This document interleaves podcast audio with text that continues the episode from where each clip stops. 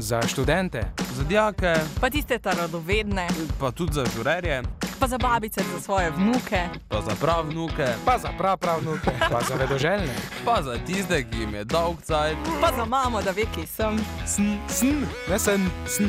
Sen. Pa ni sen, sn. sn. Itak pa za mlade, ne? Za mlade. Za mlade. Za mlade. Za mlade. Za mlade. Vsako sredo podaja mladi, mladi, mladi, mladi na radiju Maribor. Dober dan in lepo pozdravljeni v oddaji Mladi mladim. Ponovno se slišimo tukaj na valovih Radia Maribor in kot vsako sredo smo za vas tudi tokrat pripravili zanimivo oddajo. Tilen, kaj imamo na sporedu danes? Ja, Katja, najprej se bomo pogovarjali s študentom medicine Matejem Šnidaričem, ustanoviteljem portala najzdravnik.si. In v rubriki Delaš delam o tem, katera dela so bolje in slabše plačana. Na to bomo izvedeli nekaj več o poteku letošnjih informativnih dni za bodoče študente. Pogovarjali se bomo s Timom Kokoljem iz študentske organizacije Univerza v Mariboru in v prispevku o tem, za kateri poklic ali študij se odločiti. Napovedovali smo, da bomo v tokratni oddaji gostili mladega igralca dvoranskega nogometa Tjaža Laurenčiča, ta pa danes, nažalost, zaradi bolezni ne bo z nami. Družbo vam delava Katja Zver in Tilen Drumnič Denac, za zvok skrbi Borut Plešej. Ena od težav, ki pesti slovenski zdravstveni sistem, poleg epidemije, seveda, je pomankanje zdravnikov. In s tem se vrstijo dolge čakalne vrste, ki jim ni konca. Zato danes preko telefonske linije gostimo bodočega zdravnika Mateja Žnidariča, študenta šestega letnika medicine, ustanovitelja portala najzdravnik.si, na katerem je na enem mestu zbral vse kontaktne podatke zasebnikov in njihove opise.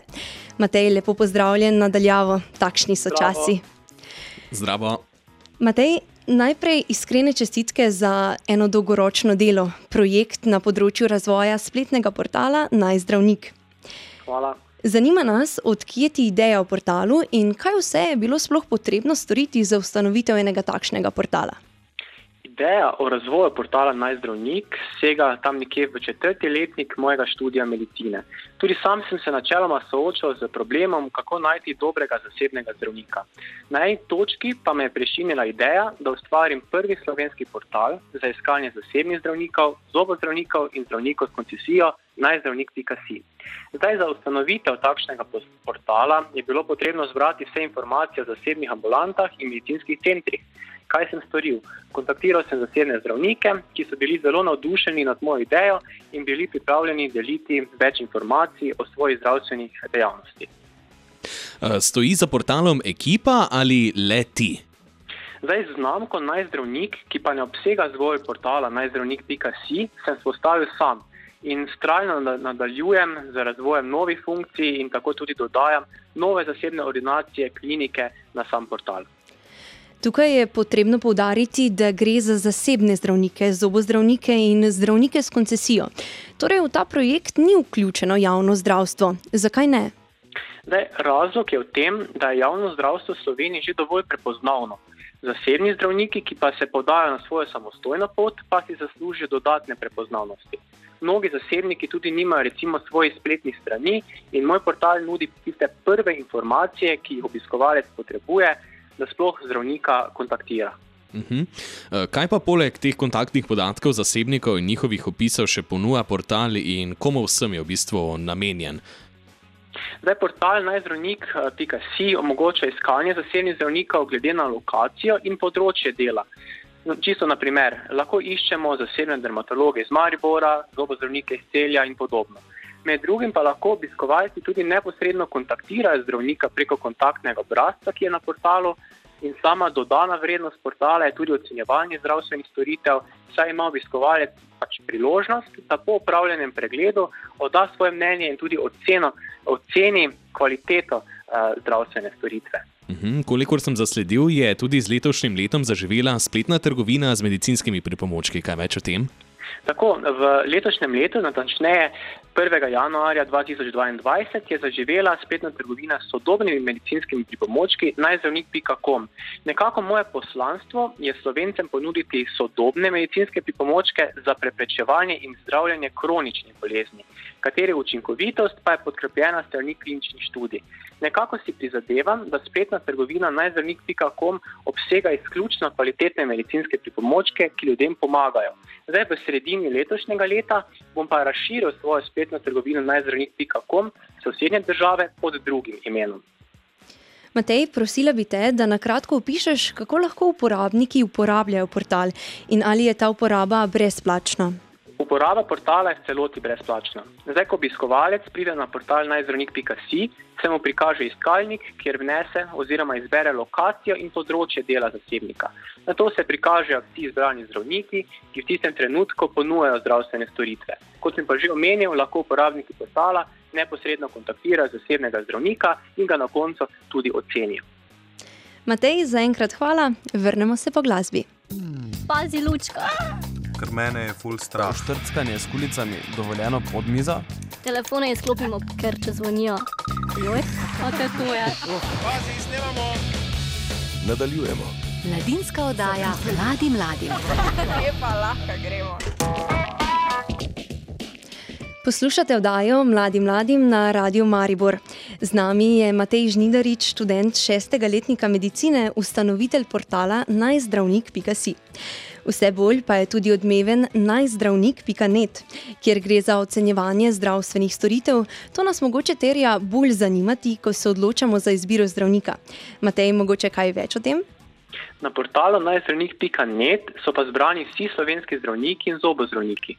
Obiskovalci portala lahko ocenjujejo kvaliteto zdravstvenih storitev, da je bistvo na tem portalu je pa vključeno javno zdravstvo, torej vsi slovenski zdravniki in zobozdravniki. Kakšni pa so bili recimo odzivi v zdravstvu in pa tudi uporabnikov portala? Se lahko zanesemo na te ocene? Odzivi v zdravstvu so bili izjemno pozitivni. Lahko rečem, da je večina zasebnih zdravnikov podprla mojo idejo. Zdaj, največ pozitivnih mnen pa sem prejel strani uporabnikov portala. Do danes je portal obiskalo že več kot 100 tisoč slovencev in med njimi je veliko takšnih, ki se, za, ki se zelo radi vračajo nazaj. Zdaj, na ocene se lahko deloma zanesemo. Saj, ampak, veste, v medicini medicina ni nikoli eksaktna znanost, saj na izhod samega zdravljenja vpliva mnogo dejavnikov. Veliko krat pa se predstave in razumevanje pacijentov ne skladajo s pričakovanimi rezultati in vsa mnenja ne odsevajo dejanskega stanja kvalitete zdravstvenih storitev. Tako da tako rekoč tem, ta mnenja je treba vzeti s kančkom solijane. Tako je. Ja. Uh, vrnimo se na najzdravnik.si portal, kakšne nadgradnje lahko pričakujemo v prihodnosti. Uh, portal najzdravnik.si želim v prihodnje nadgraditi z novimi funkcijami, o katerih je trenutno še prehitro govoriti. Zdaj, v bližnji prihodnosti pa, tako kot sem rekel, nameravam razširiti znamko najzdravnik tudi v sosednje države, ampak pod drugim imenom. Kljub vsem nekaterim študijem, ki jih danes ponujajo in objavijo javno, je še veliko tistih, ki ne zaupajo zdravstvu. Zakaj ta dvojnost ljudi in takšna nasprotja? Dejstvo je, da vsem študijam, ki so objavljene na spletu, ne moremo stotstotno zaupati, ker temeljna vrednota dobrega raziskovalca oziroma znanstvenika ni slepo zaupanje znanosti, ampak dvom. Vsak, ki se vse malo spozna na znanstveno raziskovanje, v bistvu razume, da je najprej potrebno razumeti metodologijo klinične raziskave in šele na to ugotovljene rezultate. Zdaj, dvojnost ljudi oziroma ta velika nasprotja, ki so se pa začela stopnjevati med obdobjem koronavirusa, pa izvirajo iz strahu. Strah je veliko krat tisti glavni povod, da začnemo napačno dojemati svet okoli sebe. In zaradi številne poplave informacij na spletu, med katerimi so tudi takšne, ki so lažne, se pa rodijo teorije zarote, ki so večinoma veliko lažje domljive kot pa tista eksaktna znanost, ki piše v knjigah oziroma v pravih znanstvenih študijah. Ste prisotni tudi na družbenih omrežjih, na katerih vas lahko zainteresirani najdejo? Ne, profil najzdravnik je prisoten recimo na Facebooku, Instagramu, pa tudi na LinkedInu. Kot bodočega zdravnika te moram vprašati, kako vidiš trenutno situacijo v slovenskem zdravstvu glede statusa mladih zdravnikov. Le, trenutna situacija mladih zdravnikov v Sloveniji bi lahko bila veliko boljša, če bi v preteklosti odgovorni znali razpisovati specializacije glede na potrebo na trgu. Zato trenutno primankuje ogromno število družinskih zdravnikov. Zdaj, mladi zdravniki pa se ne odločajo za specializacijo iz družinske medicine. Vsi vemo zakaj. Slovenija bi se morala zgledovati po tujini, kjer so mladi zdravniki se počutijo polno vključene v zdravstveni sistem. Konec meseca pa dobijo plačilo, ki je odraz njihove dolge, težavne izobraževalne poti in mnogih odrekanj. Matej, najlepša hvala za vse koristne informacije in verjamem, da bodo prišle prav vsem, ki se srečujejo s tovrstnimi težavami. Tebi pa želim vse dobro na tvoji začrtani poti. Hvala vam, hvala. Hvala, Dio. Dio. Srečno. Naslednjem promo spotu naj prisluhnejo študenti in dijaki.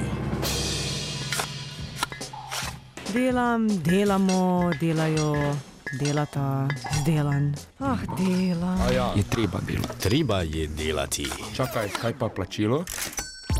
Plačan si z bogatimi izkušnjami. E, jaz bi raje z denarjem. Imajo tudi cekinčke. E, za študente in dijake? Ja.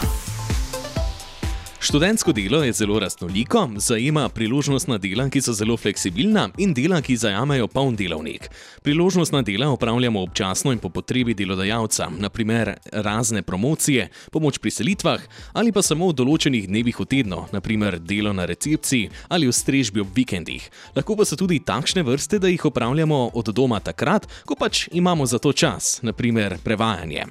Za više letnike in absolvente pa je primerno tudi, da kot študentsko delo opravljajo delo, ki zahteva poln delovnik.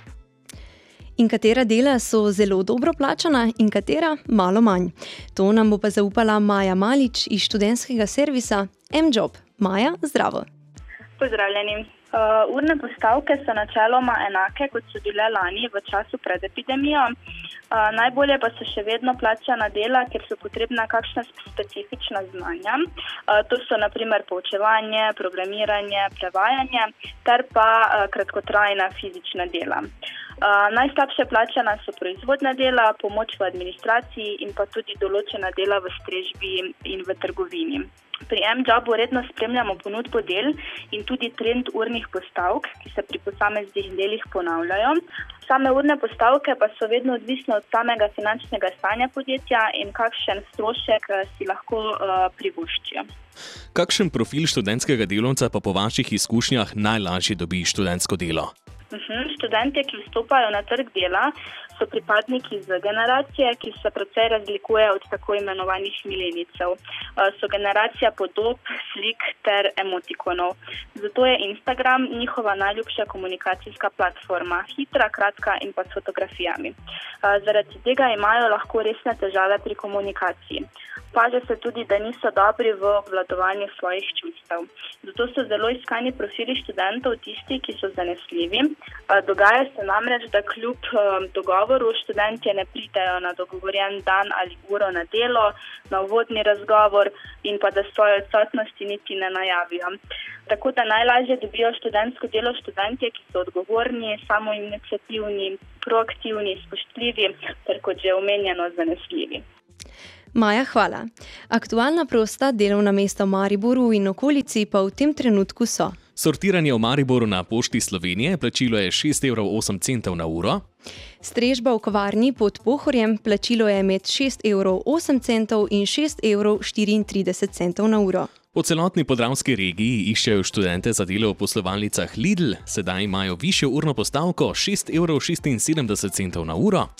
Ter v McDonald'su iščejo študente in plačilo je med 5,58 evrov in 6,93 evrov na uro. Pazi, lučka. Ker mene je full strah. Štrckanje s kulicami dovoljeno pod mizo. Telefone izklopimo, ker če zvonijo. Joj, kaj te to je? Pazi, snemamo. Nadaljujemo. Mladinska oddaja mladim mladim. Lepa, lahko gremo. Sedaj je z nami preko telefona Tim Kokal iz študentske organizacije Univerzo Mariboro. Tim, pozdravljen. Pozdravljen. Pozdravljeni, hvala za povabilo. Zdravo, zdaj najprej želimo izvedeti nekaj več o informativnih dnevih pred opisom na fakulteto, višjo ali visoko šolo. Najprej, kaj so to informativni dnevi in kaj lahko na njih izvemo? Informativne dneve so v bistvu odlična priložnost, ker lahko dijaki pobliže spoznajo študijske programe, visokošolske zavode, bodi si fakultete ali više šole, kjer bi želeli nadaljevati svoje terciarno izobraževanje. Ponovadi se začnejo kot neka skupna predstavitev visokošolskega zavoda, nadaljuje pa se s podrobnejšo predstavitvijo posameznih študijskih programov, kjer lahko izvejo vse od načina študija, možnosti zaposlitve in podobno. Kdaj točno potekajo, kakšni so termini? Na Univerzi v Mariboru letos potekajo 11. in 12. 2. torej v petek 11. 2. je termin ob 10. in 15. uri, ter soboto ob 10. uri. Skupne predstavitve, kot je recimo predstavitev študija za študente s posebnimi potrebami, organizira univerza, študijske programe pa organizira fakultete samostojno. Zdaj več informacij um, o teh um, terminih oziroma kje lahko do njih dostopajo, lahko najdejo dijaki na informativni.ume.si. Kako pa potekajo informativni dnevi, morda podobno kot so izgledali informativni dnevi, preden smo vstopili v srednješolske klopi? Zdaj, zadnje dve leti, predvsem v luči pandemije, potekajo online. Kar se tiče primerjave s srednjo šolo, se informativni dnevi na fakultetah razlikujejo morda predvsem po tem, da je od posameznika pričakovana večja samostojnost in samo inicijativnost pri pridobivanju informacij. Mhm, Kako pa je letos z informativnimi dnevi? Eh, Bodo dejansko nadaljavo ali na lokaciji? Kot že prej omenjeno, bodo žal potekali v MS Teams okolju.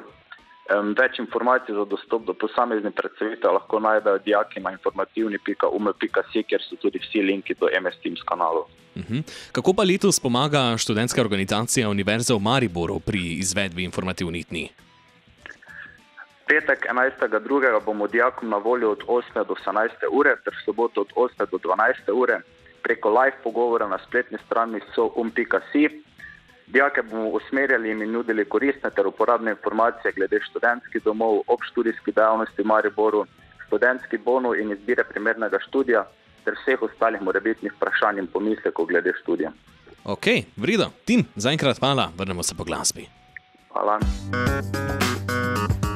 To je oddaja Mladim mladim na Radio Maribor. S Timom Kokaljem se pogovarjamo o prihajajočih informativnih dnevih. Tim, če se še slišimo, o čem se naj bodoči študent pozanima, preden se odloči, kam se bo odpravil na informativni dan.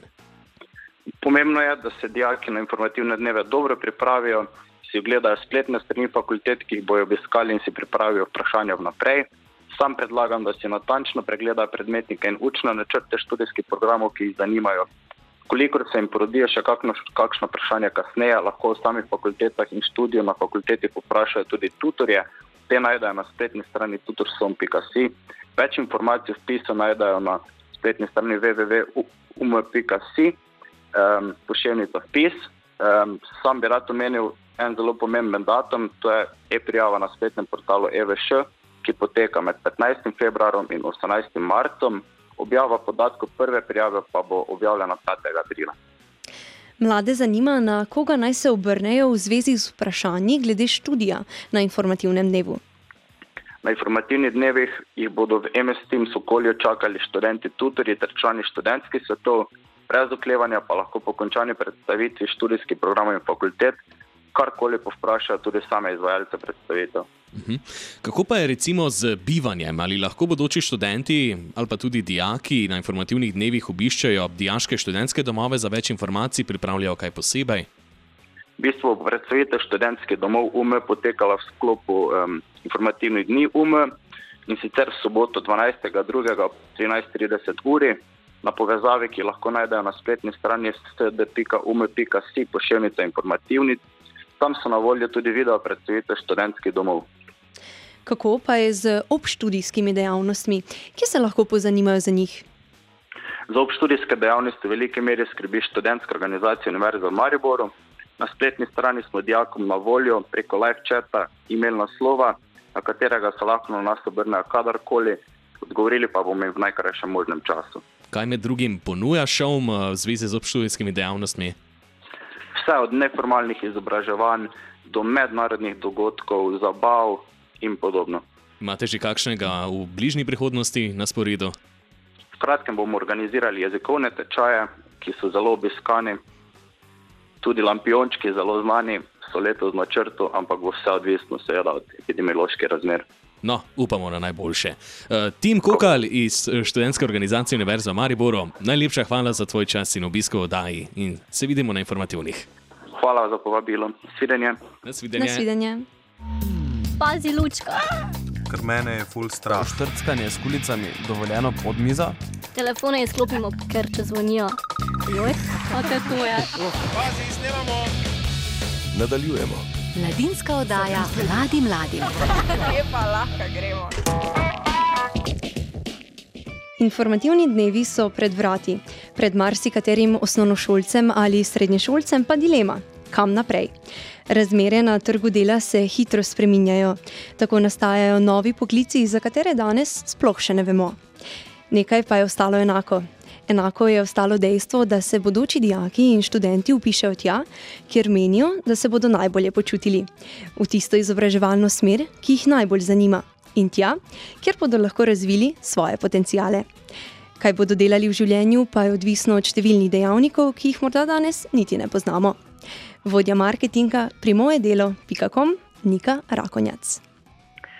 Napovedi kažejo, da bodo večinoma povezani z vse naprednejšo tehnologijo, robotizacijo, umetno inteligenco, pa tudi z varovanjem okolja in oskrbo človeka, ki bo postala še pomembnejša zaradi starajoče se družbe.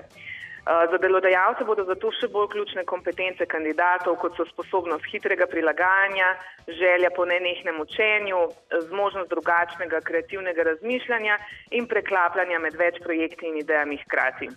Zato je najboljši nasvet, da gredo v tisto šolo, na tisto fakulteto, ki jih zanima, da bodo uživali v učenju in iskanju novih znanj, ki jim bodo gotovo pomagala skozi življenje, pa čeprav to morda ne bo njihov bodoči poklic.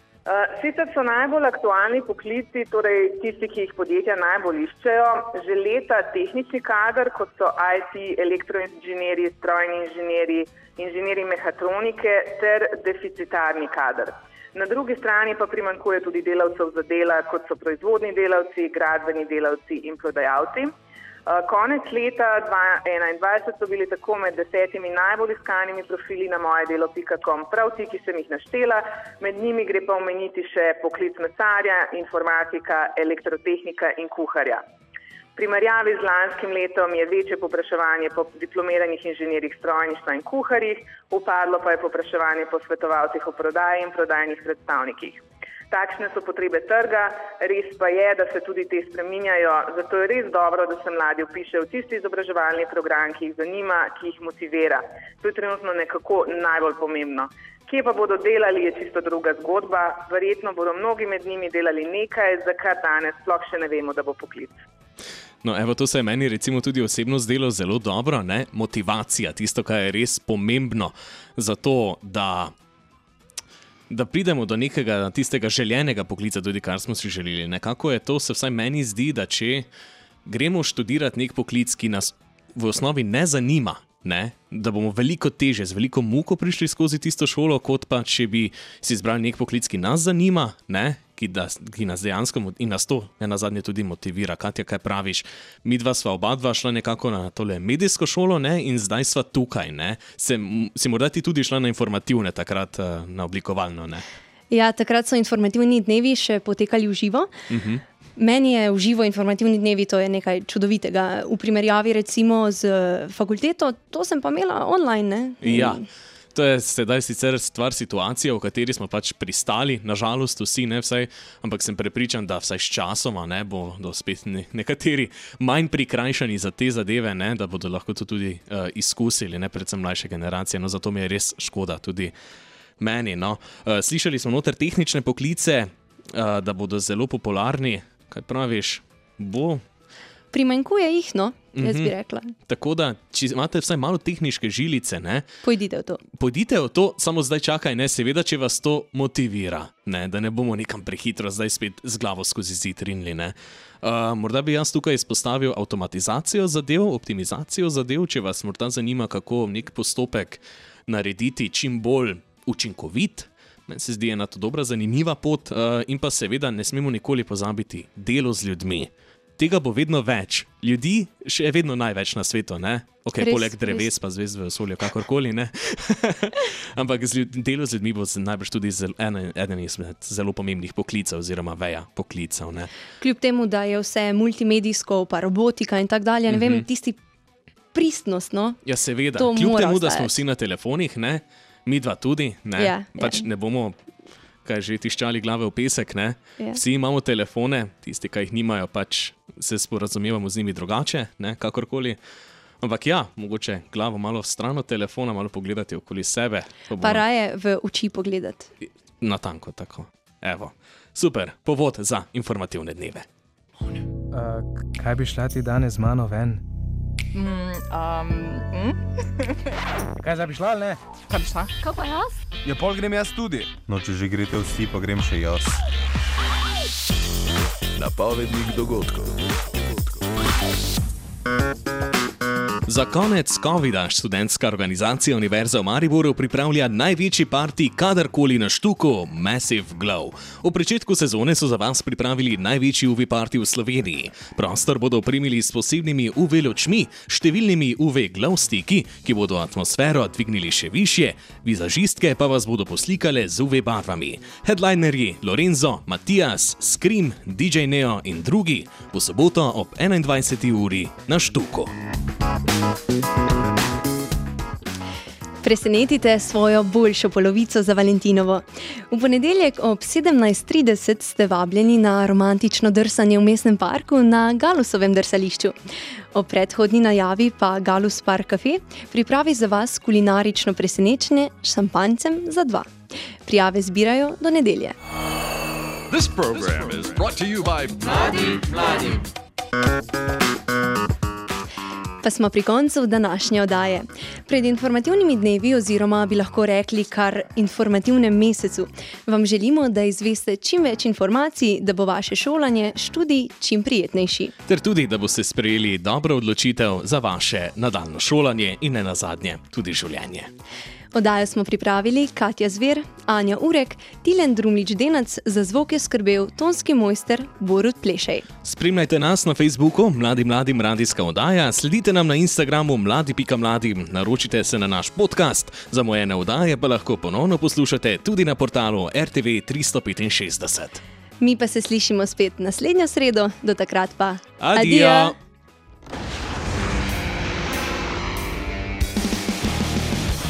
Oddaja mladi, Mladi, mladi, mladi. Na radiju Maribor.